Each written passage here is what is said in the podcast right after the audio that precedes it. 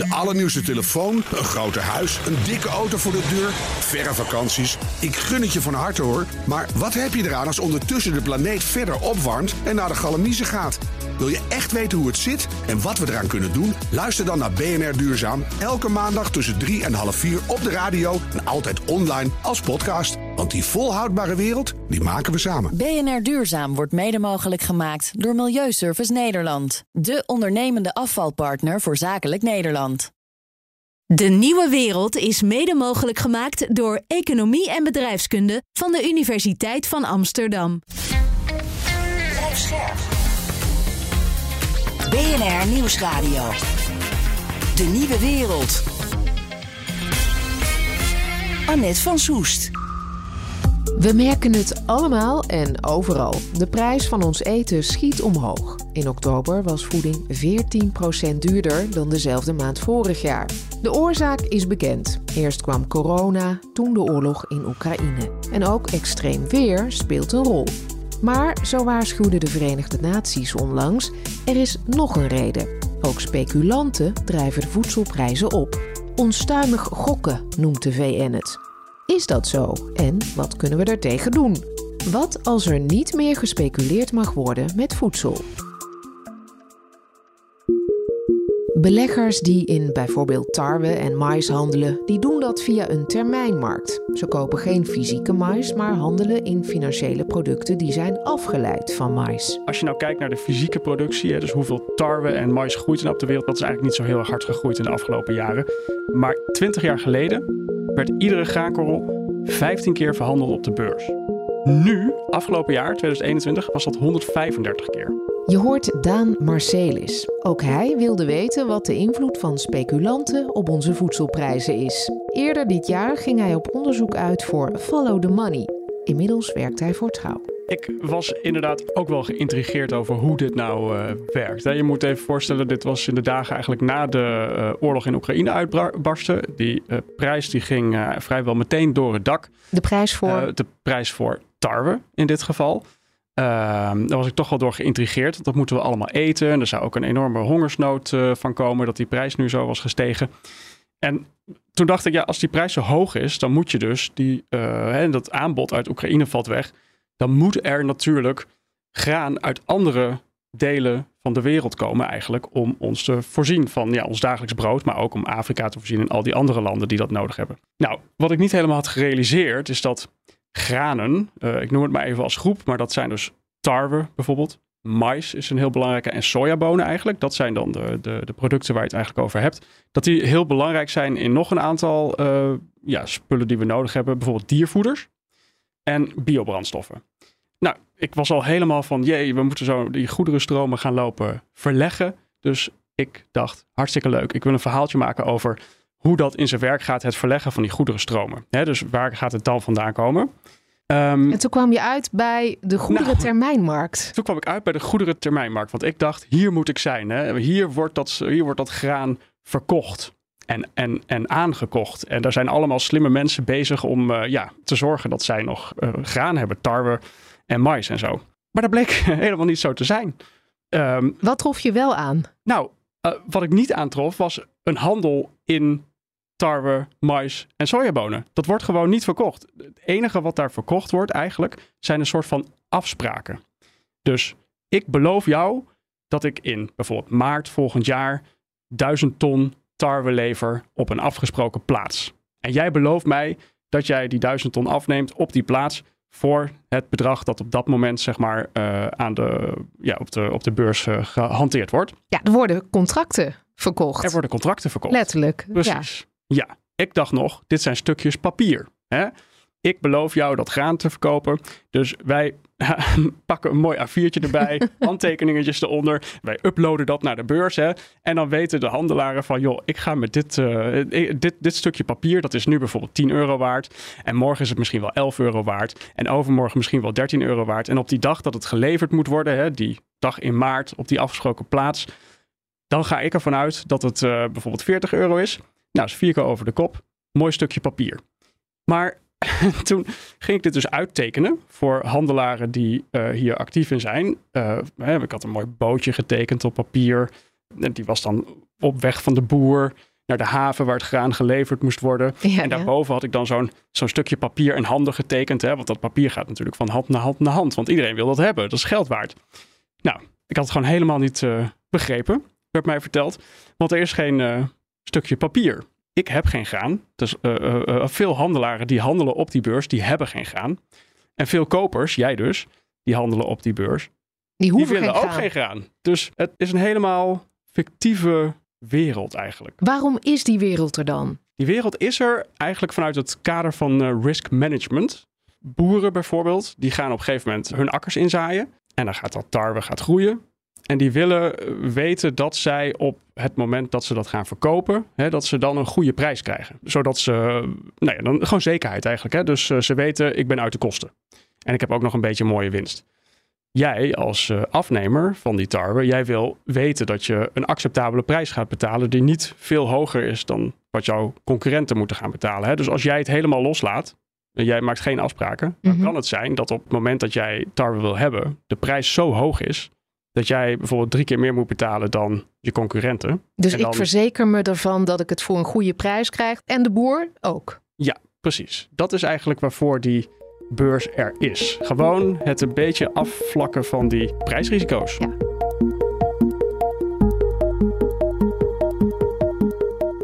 Wie zijn er allemaal actief op die, eh, op die markt? Welke financiële partijen zijn dat? Dat zijn bijvoorbeeld eh, pensioenfondsen. Dat zijn de grote banken.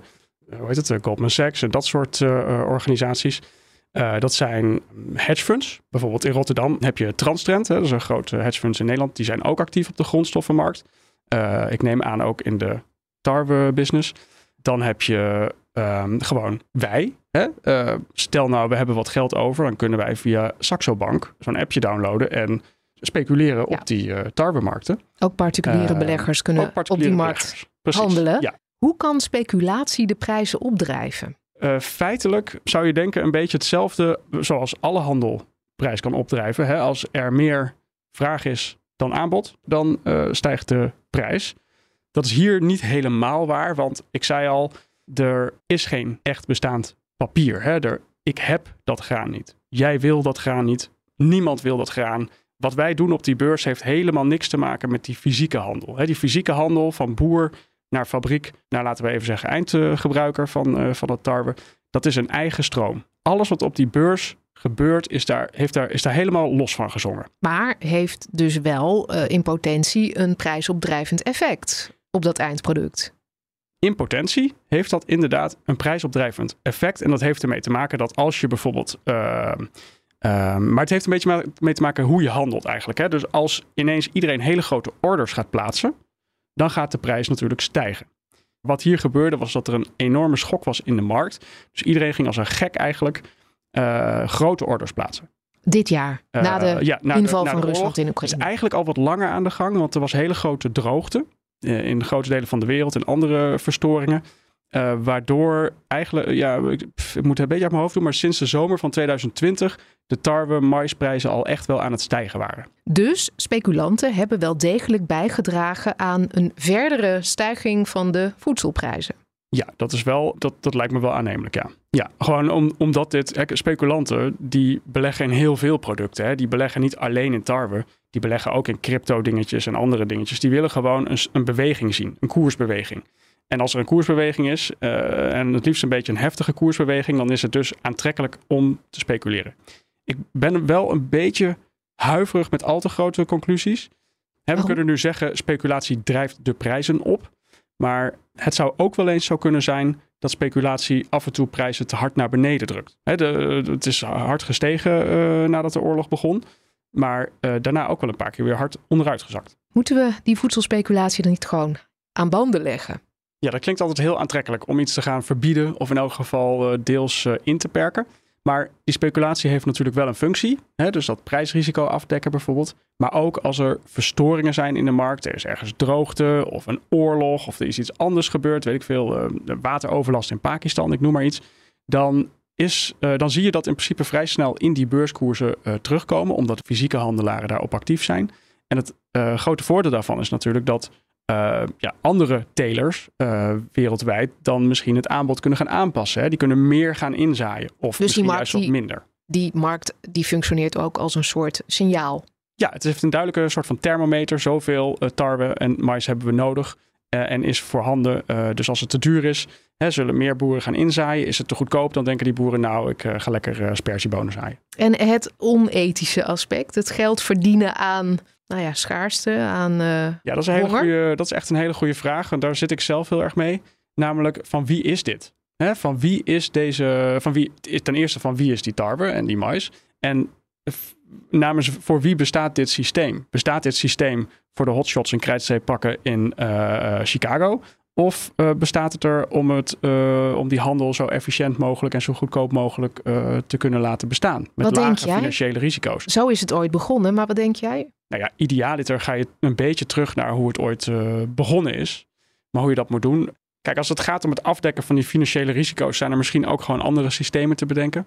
Als het gaat om het prijs uh, vindmechanisme. Hè? Dus wat is tarwe over een half jaar waard? Daar zijn natuurlijk ook andere mechanismes voor. Je zou gewoon de hele markt kunnen afbellen.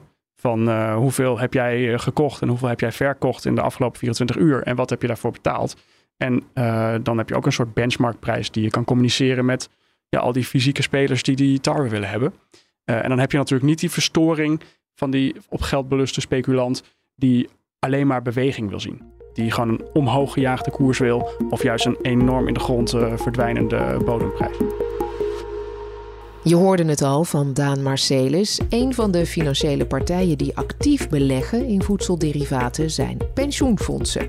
Ik heb afgesproken met Peter Verbaken. Hij is hoofdgrondstoffenbeleggingen bij APG Asset Management. Dat belegt het geld van ambtenarenpensioenfonds ABP. Waarom koopt hij eigenlijk voedselderivaten? Um, eigenlijk vanwege twee uh, hoofdredenen. Uh, de eerste is uh, diversificatie. Dus het biedt risicospreiding in de, in de beleggingsportefeuille. Dus dat wil zeggen dat grondstoffen op een ander moment in de economische cyclus rendement opleveren dan bijvoorbeeld aandelen of, of obligaties. En zo dek je je in tegen de grote koersschommeling. Exact, exact. Ja. Uiteindelijk, als pensioenfondsbelegger ben je gericht op de lange termijn. En dan is een goed gespreide beleggingsportefeuille is, is van groot belang. En grondstoffen spelen daar een, een, een, belangrijke rol in. Er is nog een reden. Je zei er zijn twee redenen. Ja, en de tweede reden dat is uh, dat het uh, bescherming biedt tegen inflatie. Nou, dat is natuurlijk een heel actueel onderwerp.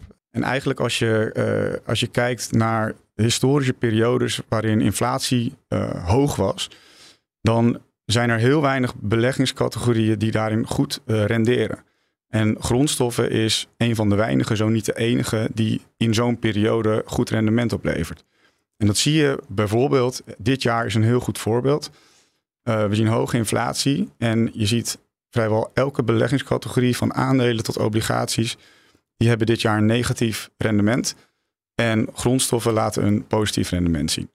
Is dus... dat niet tegelijkertijd ook precies waar het probleem zit? Dat het heel moeilijk te verkopen is dat je geld verdient aan iets waar die deelnemer last van heeft, de inflatie. Nou, ik, ik zou het willen omdraaien. De, de deelnemer die wordt in zijn dagelijks leven geconfronteerd met inflatie. En dan is het natuurlijk heel prettig dat in die beleggingsportefeuille uh, die pensioenwaarde deels kan uh, uh, compenseren voor die hogere inflatie. En dat is feitelijk wat die grondstofbeleggingen doen. Nou zijn er ook mensen die zeggen juist dat uh, speculeren in voedsel, in grondstoffen, die termijncontracten, heeft een prijsopdrijvend effect. Ja, dat klopt. Die, uh, die verhalen die komen uh, om de zoveel jaar weer naar voren op het moment dat prijzen, prijzen oplopen. Um, nou, het is belangrijk om daarin een onderscheid te maken, want pensioenfondsen, en je noemde al speculeren. wat pensioenfondsen doen, is, dat is niet speculeren, dat is niet gokken. Er wordt niet op korte termijn, op grote schaal ingestapt en weer uitgestapt en weer ingestapt. De pensioenfondsen die bepalen hun strategische beleggingsmix voor een uh, periode van meerdere jaren. Dus die hebben een stabiele belegging naar die, uh, naar die categorie. En die zijn dus ook niet aan het kopen op het moment dat er uh, een prijs gaat stijgen. Je zegt dus, wij speculeren niet. Wij speculeren niet, wij beleggen voor de lange termijn. Er is geen sprake van op korte termijn instappen, uitstappen, instappen, uitstappen. Bovendien is Verbaken het niet eens met de bewering dat beleggen in landbouwderivaten de voedselprijzen opdrijft. Het prijsopdrijvend effect is nooit, is nooit aangetoond. En Uh, de, de, de onderzoeken waar wel eens op terug wordt uh, gegrepen, dat zijn uh, onderzoeken waarin, een, waarin gekeken werd naar data over de periode 2000 tot 2008. En daar werd een statistische relatie geconstateerd tussen financiële beleggingen en uh, de oplopende grondstofprijzen. Maar een statistische relatie, zeg maar correlatie, dat wil niet zeggen een kausaal verband. Uh, en recenter onderzoek heeft ook duidelijk gemaakt dat er van dat causale verband geen sprake was. Want er was namelijk een hele duidelijke factor in de fysieke markt die daar de reden was dat die prijzen stegen. En dat was China. China groeide in die periode elk jaar met meer dan 10% per jaar, bruto nationaal product. En de vraag naar grondstoffen, van alles van energie tot uh, metalen tot landbouw, die groeide vaak nog harder dan dat. En, en het aanbod kon die vraag simpelweg niet bijbenen. En daardoor steeg, uh, steeg de prijs van heel veel grondstof. Het is voor de leek, en dat ben ik natuurlijk, heel moeilijk om uh, te weten welk onderzoek je nou wel of niet moet geloven. Want er zijn aan beide kanten van het spectrum inderdaad ook wetenschappers, economen, die zeggen er is wel een effect. Maar ook al is een kausaal verband moeilijk aan te tonen, hè, de mogelijkheid dat er wel een prijsopdrijvend effect is van dit soort beleggingen, heeft wel al geleid tot aangescherpte regulering. Jij vindt het dus ethisch verantwoord dat APG belegt in deze commodities? Uh, zeker. Kijk, de, de fysieke handel in die grondstof, hè, die, die wordt stabieler als er een goed functionerende termijnmarkt is. En een goed functionerende termijnmarkt, daar moeten financiële partijen ook onderdeel van zijn. Hè, die bieden daar liquiditeit. En dat is ook een rol die pensioenfondsen kunnen vervullen. En aan de andere kant hebben pensioenfondsen er zelf dus een belang bij dat uh, ze in die portefeuille, in die beleggingsportefeuille, beleggingen hebben die bescherming bieden tegen inflatie. Hè, voor die participanten in die pensioenfondsen. We laten de termijnmarkt even voor wat die is om terug te gaan naar de oorsprong van ons voedsel. Godelieve Spaas is lector Nieuwe Economie aan de Avans Hogeschool en medeoprichter van De Plaatsen, een organisatie die zich samen met agrarische ondernemers inzet voor het transformeren van de voedselmarkt. Een van de dingen die we bijvoorbeeld doen, dat ken je vast, dat is uh, een concept zoals de herenboeren, maar daar zijn er veel meer van, is dat de consument eigenlijk mede-eigenaar is van het bedrijf en dus niet meer de prijs van zijn voedsel betaalt, maar zorgt dat alle kosten die nodig zijn om dat voedsel op een gezonde manier te groeien, om die kosten gemeenschappelijk te dragen. Dus dan haal je dat hele idee van transactie en steeds maar goedkoper, goedkoper haal je eruit. En je bouwt een model van co-eigenaarschap. Speculatie met voedselprijzen, gericht op geld maken met geld, zegt Spaas, houdt juist een landbouwsysteem in stand waarbij de druk groter wordt om nog meer en nog goedkoper te produceren. Nou, mijn grootste zorg is dat het enige wat, wat nu zeg maar voedselproductie aanjaagt vanuit uit die speculatie is geldelijk gewin, is, is winst. En dat betekent dat je zo aantrekkelijk mogelijke prijsafspraken maakt met boeren die produceren. En zo aantrekkelijk mogelijk is zo laag mogelijk, want dan heb je interessante opties om te verhandelen. En dat betekent dat boeren tegen zo laag mogelijke kosten moeten blijven produceren en zoveel mogelijk moeten blijven produceren. En als je het nou hebt over de voedseltransitie, of de voedselsysteemtransitie, dus naar ecologische voedsel, gezond voedsel, dan wil je eigenlijk dat die boer voor de grond gaat zorgen.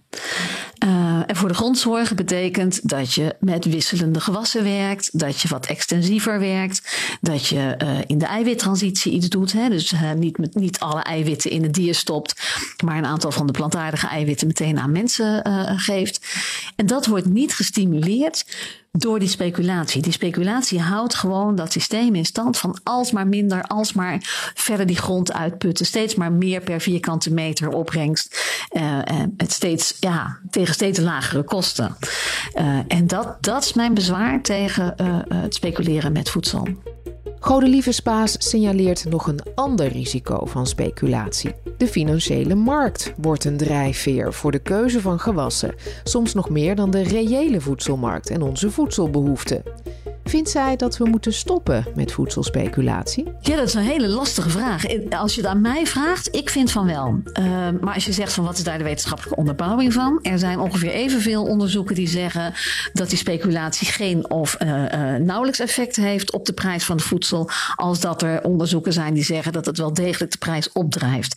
Voor mij gaat het erover dat die speculatie eigenlijk ons nog verder afdrijft van waar het echt over gaat. Namelijk voedsel verbouwen in harmonie met de bodem. En dan is dat je focus. En door dat, uh, die speculatie gaat het eigenlijk alleen nog maar over winst op, die je maakt op prijsafspraken. Dus dat heeft niets meer te maken met de werkelijke kwaliteit van voedsel. De mensen die daarin handelen, hebben ook geen enkele interesse in dat voedsel. Sterker nog, wat je ziet gebeuren is dat, uh, dat voedsel uh, vernietigen gunstig kan zijn om de prijs van de opties op te drijven. En als je het dan hebt over mensen die te weinig eten hebben, dan denk ik dat we ons moeten concentreren op zorgen dat we heel goed voor de bodem zorgen. Dat we zorgen dat iedereen te eten heeft. Dat dat voedsel goed is van kwaliteit. En niet op zorgen dat dat zoveel mogelijk geld genereert. En dat is een keuze. En ik snap dat de uh, overheden zoals de EU aarzelend zijn om ermee te stoppen, omdat je niet weet wat precies het effect zal zijn op de korte termijn financiële markten. Maar op de lange termijn komt het absoluut zeker de verdeling van voedsel en de kwaliteit van de bodem ten goede. Stel nou dat we eh, als gedachte-experiment zouden zeggen: als we opties hadden op de duurzaamheid van uh, uh, grondstoffen. Hè, dus hoe duurzamer ze geproduceerd worden, hoe meer zo'n optie waard is. Of dus dat opties daarin handelen. Dan zou dat misschien, ik heb geen idee of dat kan, dan zou dat misschien een soort kanteling kunnen maken. Het is echt een gedachte-experiment. Dus als je het aan blijft jagen met geld, blijf je aanjagen op kosten, blijf je aanjagen op kleine marges, blijf je aanjagen op uitbuiting en extractie. Dus als je nu een optie hebt die niet gaat over geld, maar een optie die gaat over duurzaamheid, misschien dat je dan die invloed kunt draaien. Uh, en dat, dat zou een interessante kunnen zijn. Tot zover de nieuwe wereld. We zijn er iedere dinsdag om drie uur of luister wanneer je wil in je podcast-app. De nieuwe wereld is mede mogelijk gemaakt door Economie en Bedrijfskunde van de Universiteit van Amsterdam. De allernieuwste telefoon, een groter huis, een dikke auto voor de deur, verre vakanties. Ik gun het je van harte hoor. Maar wat heb je eraan als ondertussen de planeet verder opwarmt en naar de galamiezen gaat? Wil je echt weten hoe het zit en wat we eraan kunnen doen? Luister dan naar BNR Duurzaam. Elke maandag tussen 3 en half 4 op de radio en altijd online als podcast. Want die volhoudbare wereld, die maken we samen. BNR Duurzaam wordt mede mogelijk gemaakt door Milieuservice Nederland. De ondernemende afvalpartner voor zakelijk Nederland.